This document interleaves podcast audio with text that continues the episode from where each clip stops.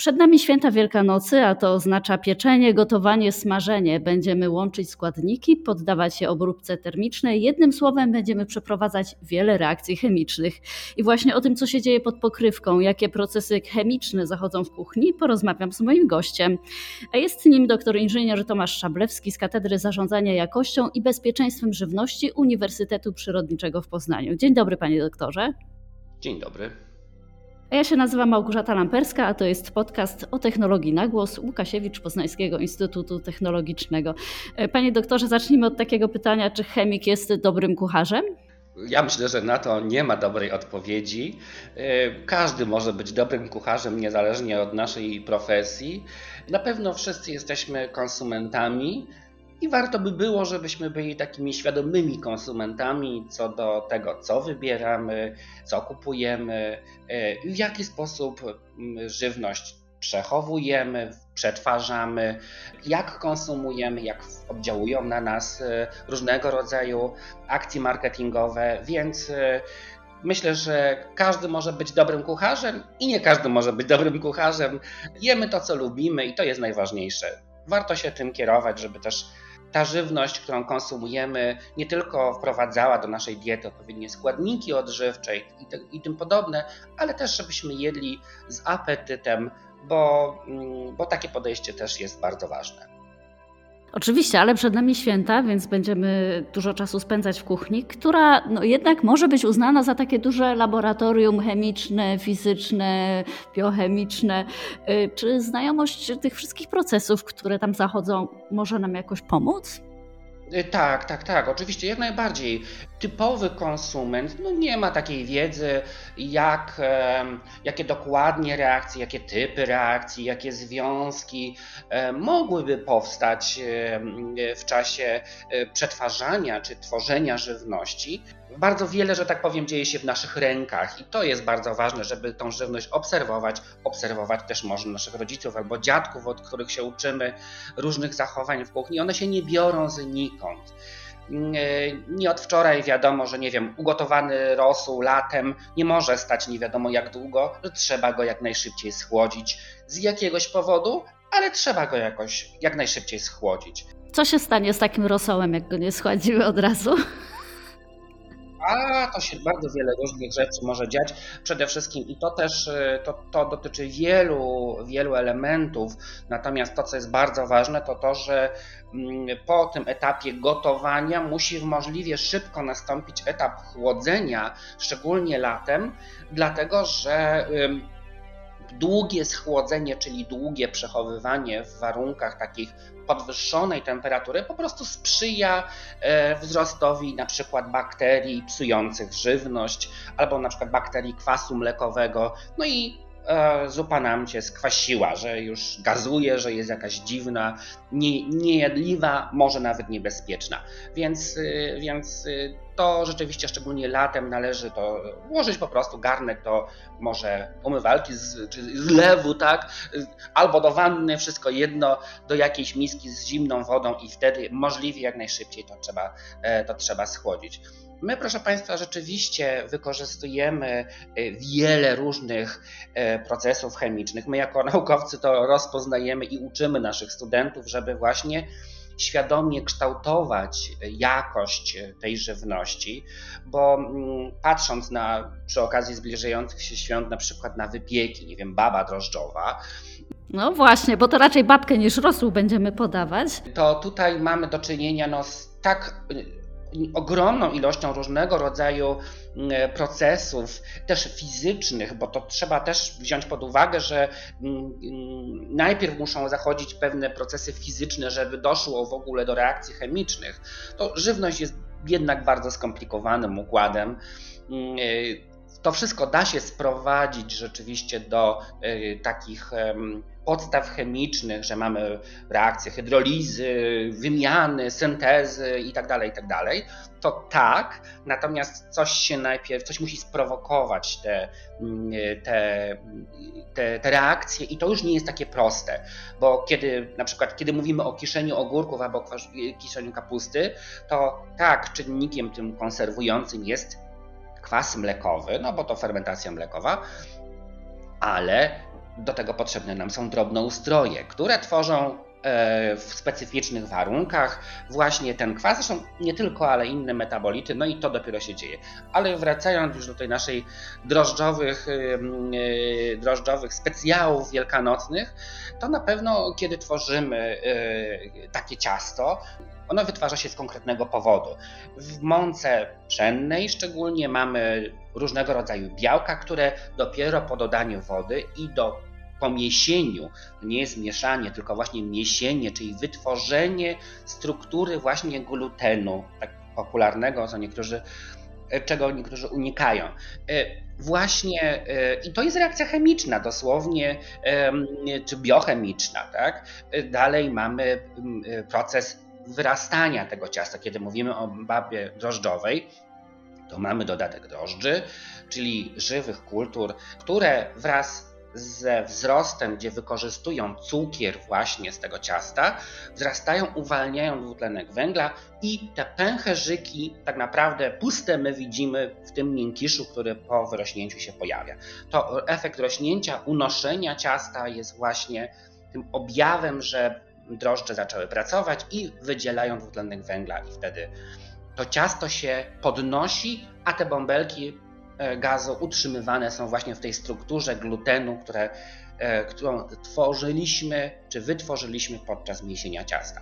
Potem mamy pieczenie, czyli swoiste utrwalenie tej struktury, też denaturację białek różnego rodzaju. To bardzo ładnie widać na przykład na sernikach, tak, że on był płynny, a nagle robi się, robi się taki y, no, stały, czy taki e, zmienia swoją konsystencję. A potem opada. Albo niestety zdarza się, że i opada, no ale tylko ten, co nic nie robi, mu się nic nie, nie dzieje. Ale to opadanie też można wytłumaczyć jakoś chemicznie albo fizycznie? Ciasto może się zapada z różnych powodów, bo może było niedopieczone, e, jeszcze tak, nie, nie utrwaliło, ono nie nagrzało się tak jak powinno i nie utrwaliła się po prostu ta struktura przestrzenna, taka siatka, której my może nie widzimy wprost, ale po prostu nie utrwaliła się ta struktura dzięki tej temperaturze, temu i też czas jest tutaj bardzo ważny e, tego pieczenia, czyli w czasie tego pieczenia nie utrwaliła się ta struktura, no i dlatego jakby taka implozja nastąpiła, bo, bo nie ma tej siatki, która by to utrzymała. E, kiedy przechodzimy dalej, pieczemy tą babkę, na, patrzymy, w piekarniku wytwarza się piękny, złoty kolor. E, on też się nie bierze. Tam są różnego rodzaju reakcje i reakcje Maillarda, czyli, czyli to są takie związki, które właśnie kształtują i barwę, i smak, i zapach. I następuje reakcja karmelizacji, czyli mm, jak posypiemy jeszcze cukrem ciastka na przykład, no to pięknie widać, jak on się topi i brązowieje. E, ważne, żeby tego nie, nie, nie, przy, nie przegrzać, żeby się nie robił gorzki. Ale to też są związki odpowiedzialne właśnie za smak, zapach, za wygląd. To jest bardzo, e, bardzo ważne. Kiedy na przykład tworzymy biszkopt, to tutaj też e, mamy denaturację taką mechaniczną e, przecież e, tego białka, bo to ona pozwala wytworzyć tą sztywną strukturę, mm, strukturę ciasta i tą, tą siatkę taką, żeby ten szkielet do zawieszonych substancji powstał. Tutaj też mamy do czynienia z reakcjami, a kiedy a właśnie czynnikiem strukturotwórczym właśnie wtedy jest białko jaja, ale też Ciasto takie podnoszone może być na przykład przez dodatek proszku do pieczenia, więc ta soda, która się rozpada do dwutlenku węgla znowu wytwarza te bąbelki, ten ładna, ten ładna struktura takiego biszkoptu się pojawia. A to jest tylko, to są tylko ciasta. Kiedy mówimy, mielibyśmy przejść do wędlin, to to jest y, ogromna tak samo menażeria różnych, y, różnych y, reakcji chemicznych, które E, które tam zachodzą. Je musimy chyba dobrze zakonserwować, prawda? To jest e, jeden z trudniejszych tematów, to znaczy my przygotowujemy żywność, czy obrabiamy żywność, no może tak, z różnych powodów. I to jest też istotne, żeby to zrozumieć, że oczywiście poprzez różnego rodzaju obróbki e, my kształtujemy jakość tej żywności, no bo wtedy żywność jest E, dzięki, to tutaj też mamy czystą chemię, tak? bo, bo proces denaturacji, czyli ścinania, na przykład kiedy gotujemy jaja, no to to jest kwestia nadania pewnych właściwości temu produktowi. Tak? Z innej strony taka, takie gotowanie e, może w ogóle spowodować, że ten produkt będzie strawny. W ogóle strawny. Albo bardziej strawny. No tak, nikt nie chce jeść surowego mięsa. Swoją drogą, ale inna jeszcze kwestia to na przykład kwestia bezpieczeństwa. I to ma, jak dla mnie, dla osoby, która pracuje w katedrze zarządzania jakością i bezpieczeństwem żywności, kluczowe znaczenie bo nie jemy surowego mięsa z jakiegoś powodu, bo drobnoustroje patogenne, bo y, może jakieś jeszcze inne czynniki. Y, w związku z czym, oczywiście tatar to jest e, inna rzecz, bo to jest mięso wołowe i tutaj są troszeczkę inne te zagrożenia.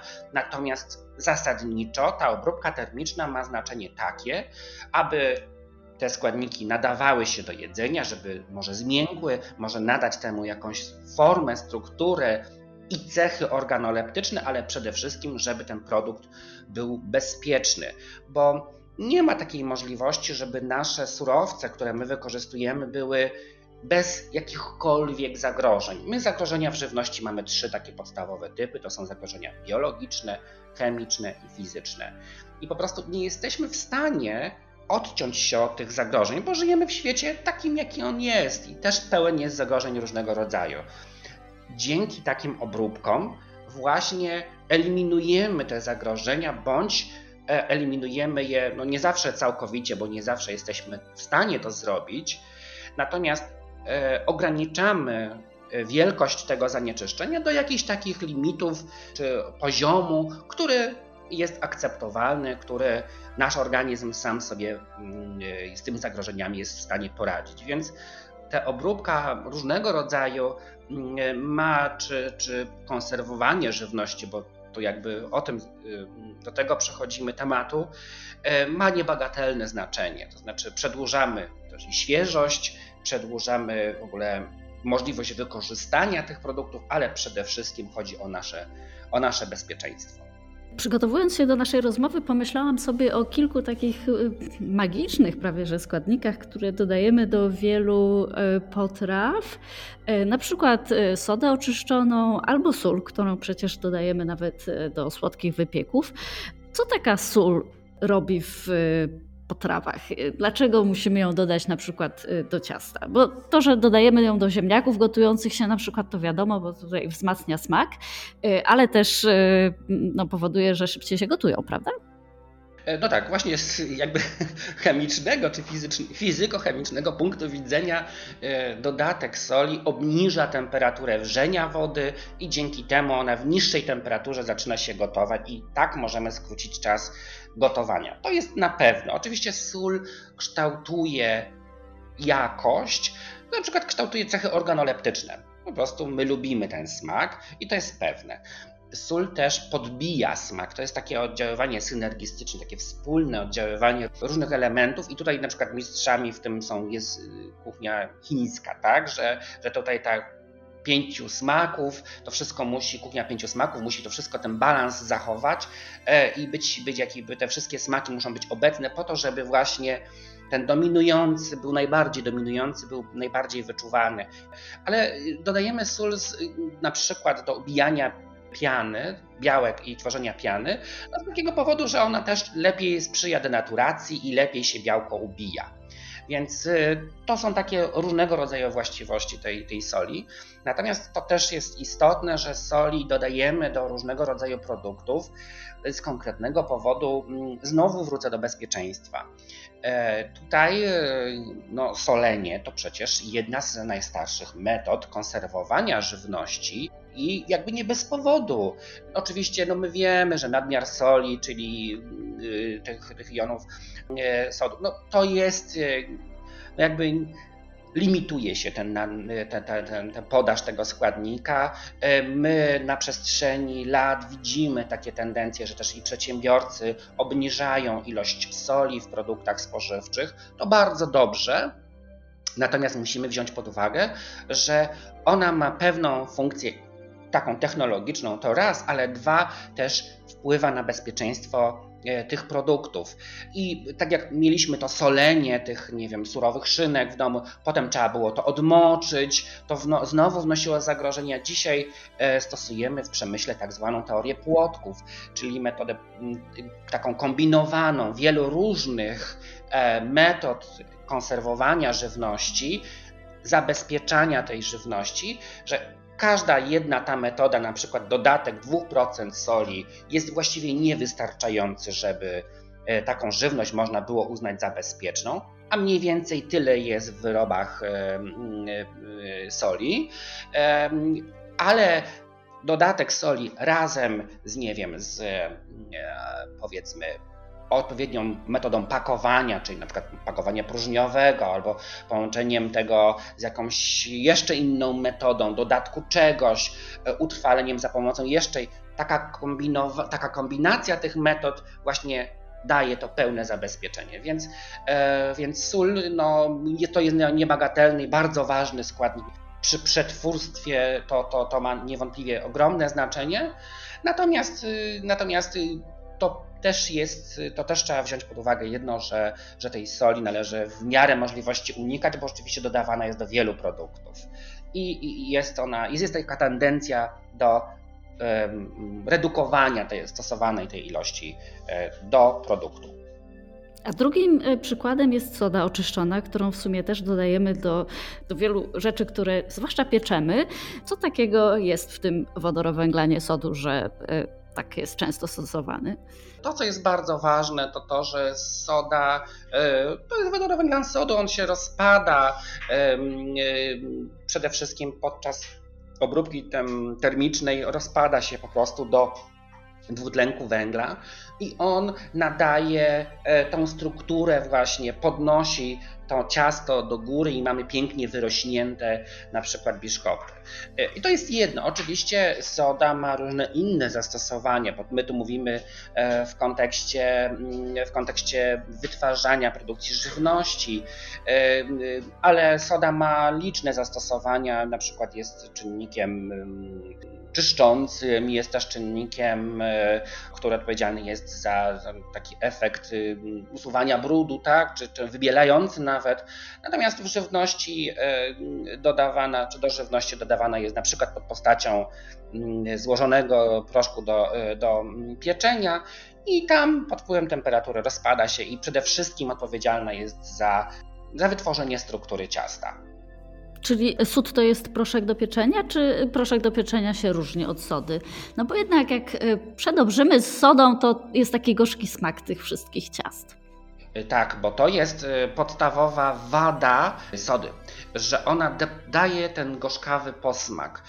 Z tego powodu właściwie poniekąd powstał proszek do pieczenia, bo on jest uzupełniony o inne dodatkowe składniki, które mają różne właściwości. Tam na przykład w proszku do pieczenia, tylko my też często doszukujemy się, że tam są nie wiadomo jakieś dziwne składniki, a to często jest na przykład skrobia kukurydziana, która zapobiega zbryleniu. E, na przykład e, tam są różne inne sole, które na przykład e, dają podobny efekt, ale nie wnoszą tego gorzkiego posmaku. Więc y, tym się różni soda oczyszczona od proszku do pieczenia, że proszek do pieczenia to jest taki złożony produkt już właściwie. Tam z tyłu na opakowaniu możemy sobie doczytać, co tam jest, ale głównym składnikiem jest oczywiście soda i, i tym, tym czynnikiem strukturotwórczym, dla którego stosujemy proszek do pieczenia, jest właśnie soda. A jeszcze mamy taki produkt jak ocet, który też dodaje się do wielu potraw, y, który chyba przyspiesza fermentację, prawda? Czy się mylę? O nie, y, ocet jest właściwie produktem fermentacji. A, proszę. Tak, tak, no to jest normalne, że y, w czasie na przykład psucia się żywności najpierw dochodzi, przecież y, ocet winny to jest tak naprawdę, nie chcę powiedzieć tak, ale no tak w cudzysłowie zepsute wino. Bo to jest po prostu, to jest normalna, normalna rzecz, że najpierw są drożdże, one wytwarzają alkohol i dopiero z alkoholu, czy to pod postacią wina, czy pod postacią jakiegokolwiek e, dopiero z tego wytwarzany jest kwas octowy, czy jakikolwiek inny, w zależności od tego, z czym, z jakim produktem wyjściowym mamy do czynienia. No tak, to jest i to jest akurat bardzo piękna reakcja chemiczna, podstawa chemii organicznej właśnie szlaku zmian właśnie, czy syntezy tych związków. Najpierw pojawiają się, najpierw są alkohole, a potem, mm, a potem, a potem kwasy, więc organiczne. Więc y, tak to rzeczywiście jest. Te kwasy są różne w zależności od, tak jak powiedziałem, substratów, ale ocet y, czy octy różnego rodzaju to są rzeczywiście stosowane są do utrwalania żywności. One, one nie przyspieszają fermentacji, one utrwalają żywność. No, takim najlepszym przykładem są ogórki konserwowe na przykład, czy jakiekolwiek inne. To jest po prostu kapusta, która jest zalana e, tą mieszaniną marynującą z przyprawami i to jest po pasteryzacji produkt trwały. Więc, e, więc tak, to, tak to należy traktować.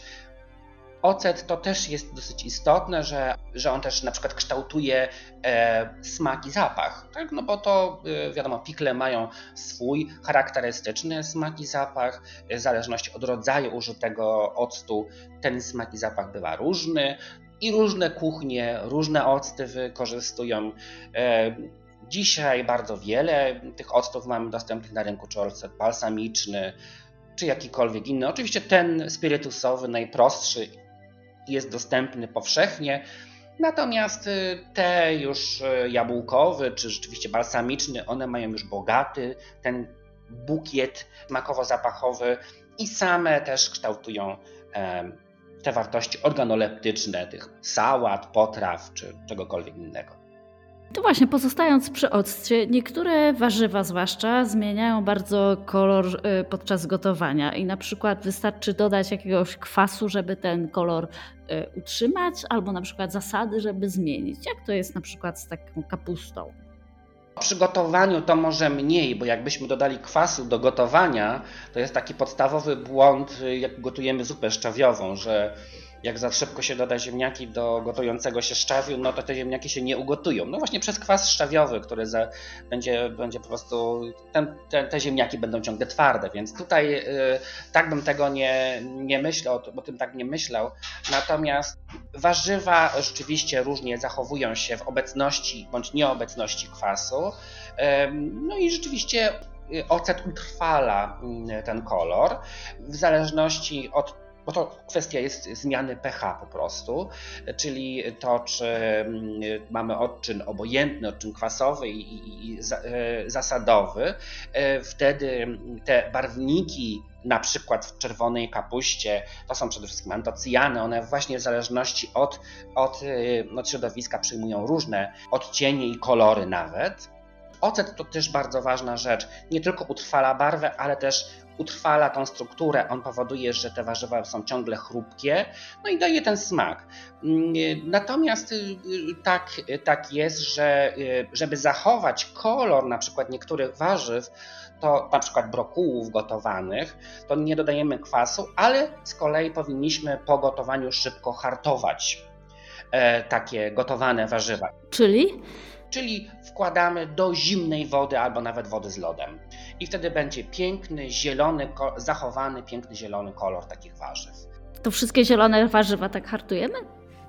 Czy jeszcze jakieś inne? Można, tak. Na przykład brokuł, brukselka, e, jeżeli będzie jadana na przykład postacią takiej surówki czy, czy sałatki już później, tak to, to jak najbardziej, jak najbardziej tak, bo oczywiście brokuły możemy jeść na surowo, ale możemy je jadać w sałatkach po ugotowaniu na przykład, więc żeby piękny zachował kolor, dodajemy trochę soli do gotowania i szybko po ugotowaniu hartujemy. Też pamiętajmy, że brokuły lubią się rozgotowywać, więc króciutka obróbka taka E, taka, taka dosłownie e, blanszowanie, byśmy powiedzieli, czyli takie szybciutkie, nawet nie gotowanie, a tylko takie zaparzenie, po to, żeby, żeby zatrzymać ten kolor, żeby też tą lekką chrupkość utrzymać. Wtedy to hartowanie w tej zimnej wodzie i mamy piękny zielony kolor utrzymany. A dlaczego na przykład y, jajka warto, warto gotować y, z solą, nawet jeśli no chyba ona nie przenika przez skorupkę, domyślam się, ale zauważyłam, że lepiej się obiera je, jak jest woda z solą. Z tym obieraniem to rzeczywiście przy okazji Wielkanocy to się pojawiają różnego rodzaju zapytania. Przede wszystkim i myślę, że mm, żeby gotować jaja, i żeby one się obierały jak należy, to nie powinno się wykorzystywać jaj świeżych, takich super, super świeżych no jaja mają dosyć zaraz bezpośrednio po zniesieniu mają mniej więcej pH e, około 7. To jest taki odczyn obojętny.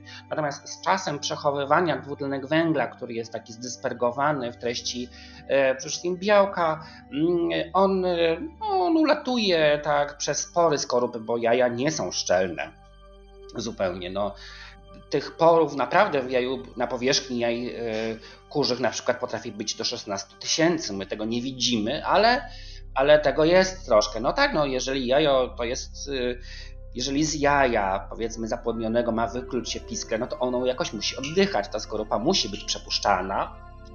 Więc tak to jest. I dlatego, dlatego do y, gotowania wybieramy jaja niekoniecznie najświeższe. A po czym poznać takie jajo?